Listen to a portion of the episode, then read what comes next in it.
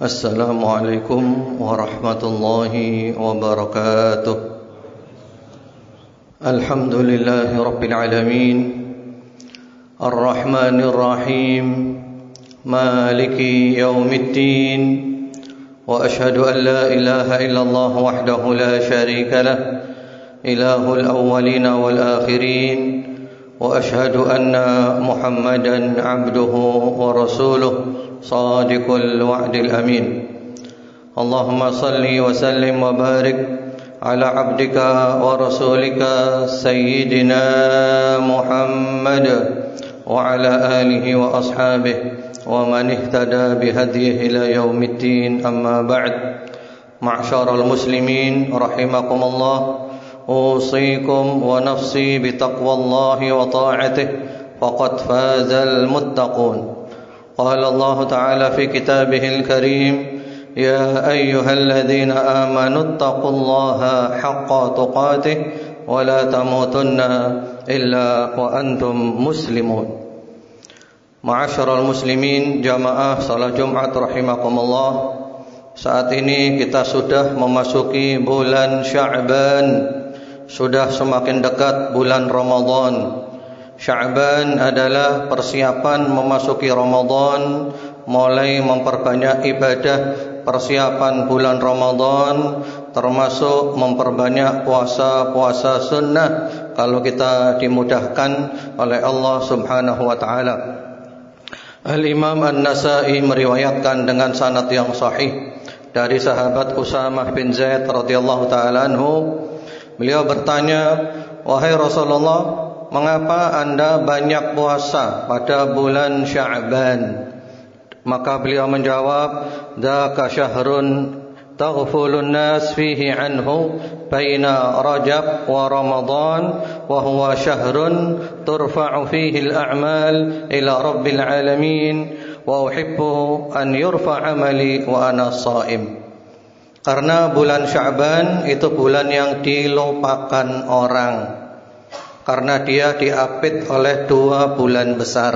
Bulan Rajab Ashurul Hurum dan bulan Ramadan puasa wajib.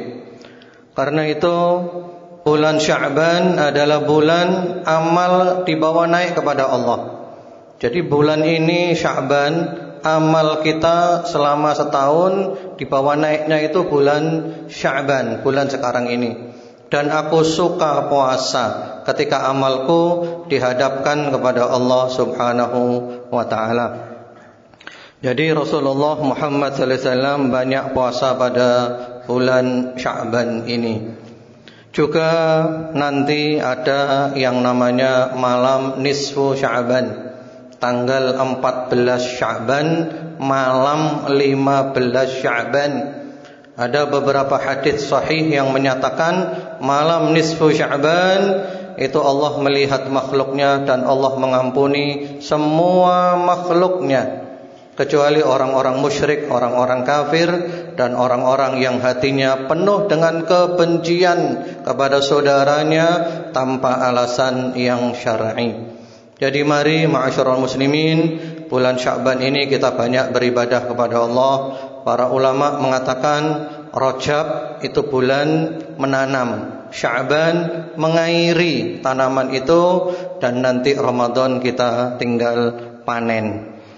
Ada beberapa nasihat dari para sahabat Nabi Muhammad SAW bahwa mereka mempersiapkan diri sebelum masuk bulan Ramadan. Sahabat Abdullah ibnu Mas'ud mengatakan, maka ahaduna yajru ala istiqbalil hilal wa fi qalbihi dzarratu hiqdin ala akhihi muslim." Para sahabat dulu tidak berani masuk bulan Ramadan dalam keadaan hatinya masih kotor, ada kebencian kepada saudaranya sesama muslim tanpa alasan yang syar'i. Demikian pula sahabat Anas mengatakan, "Tuba liman aslaha nafsahu qabla Ramadan." Berbahagialah orang yang memperbaiki dirinya sebelum masuk bulan Ramadan.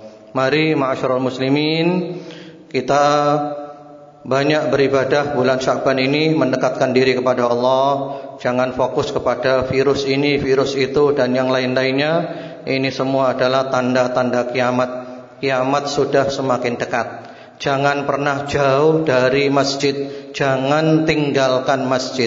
Obatnya ada di masjid, solusinya ada di masjid. Yang penting dijaga kebersihan, upaya-upaya, usaha-usaha yang selayaknya, yang sepatutnya tetap dilakukan. Jangan pernah jauh dari masjid. Ini semua tanda kiamat. Nanti akan terus ini tanda-tanda besar akan muncul, muncul, muncul, muncul sampai kiamat nanti.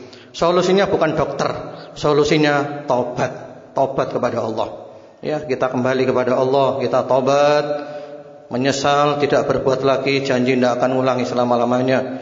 Kalau kita ada urusan dengan orang, minta maaf, selesaikan urusan itu. Ya, mudah-mudahan kita termasuk orang-orang yang sukses, yang banyak berdoa, yang banyak berzikir, yang banyak beristighfar, yang banyak membaca salawat kepada Nabi Muhammad SAW. Sekali lagi, solusinya bukan dokter. Ini sudah kiamat dekat.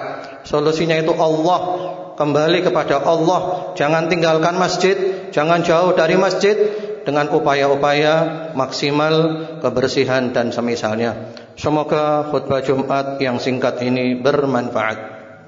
Barakallahu li wa lakum bil Qur'ani was sunnah wa nafa'ani wa iyyakum bima fihima minal ayati wal hikmah. Aqulu qawli hadha wa astaghfirullahal azim li wa lakum fastaghfiruhu innahu huwal ghafurur rahim.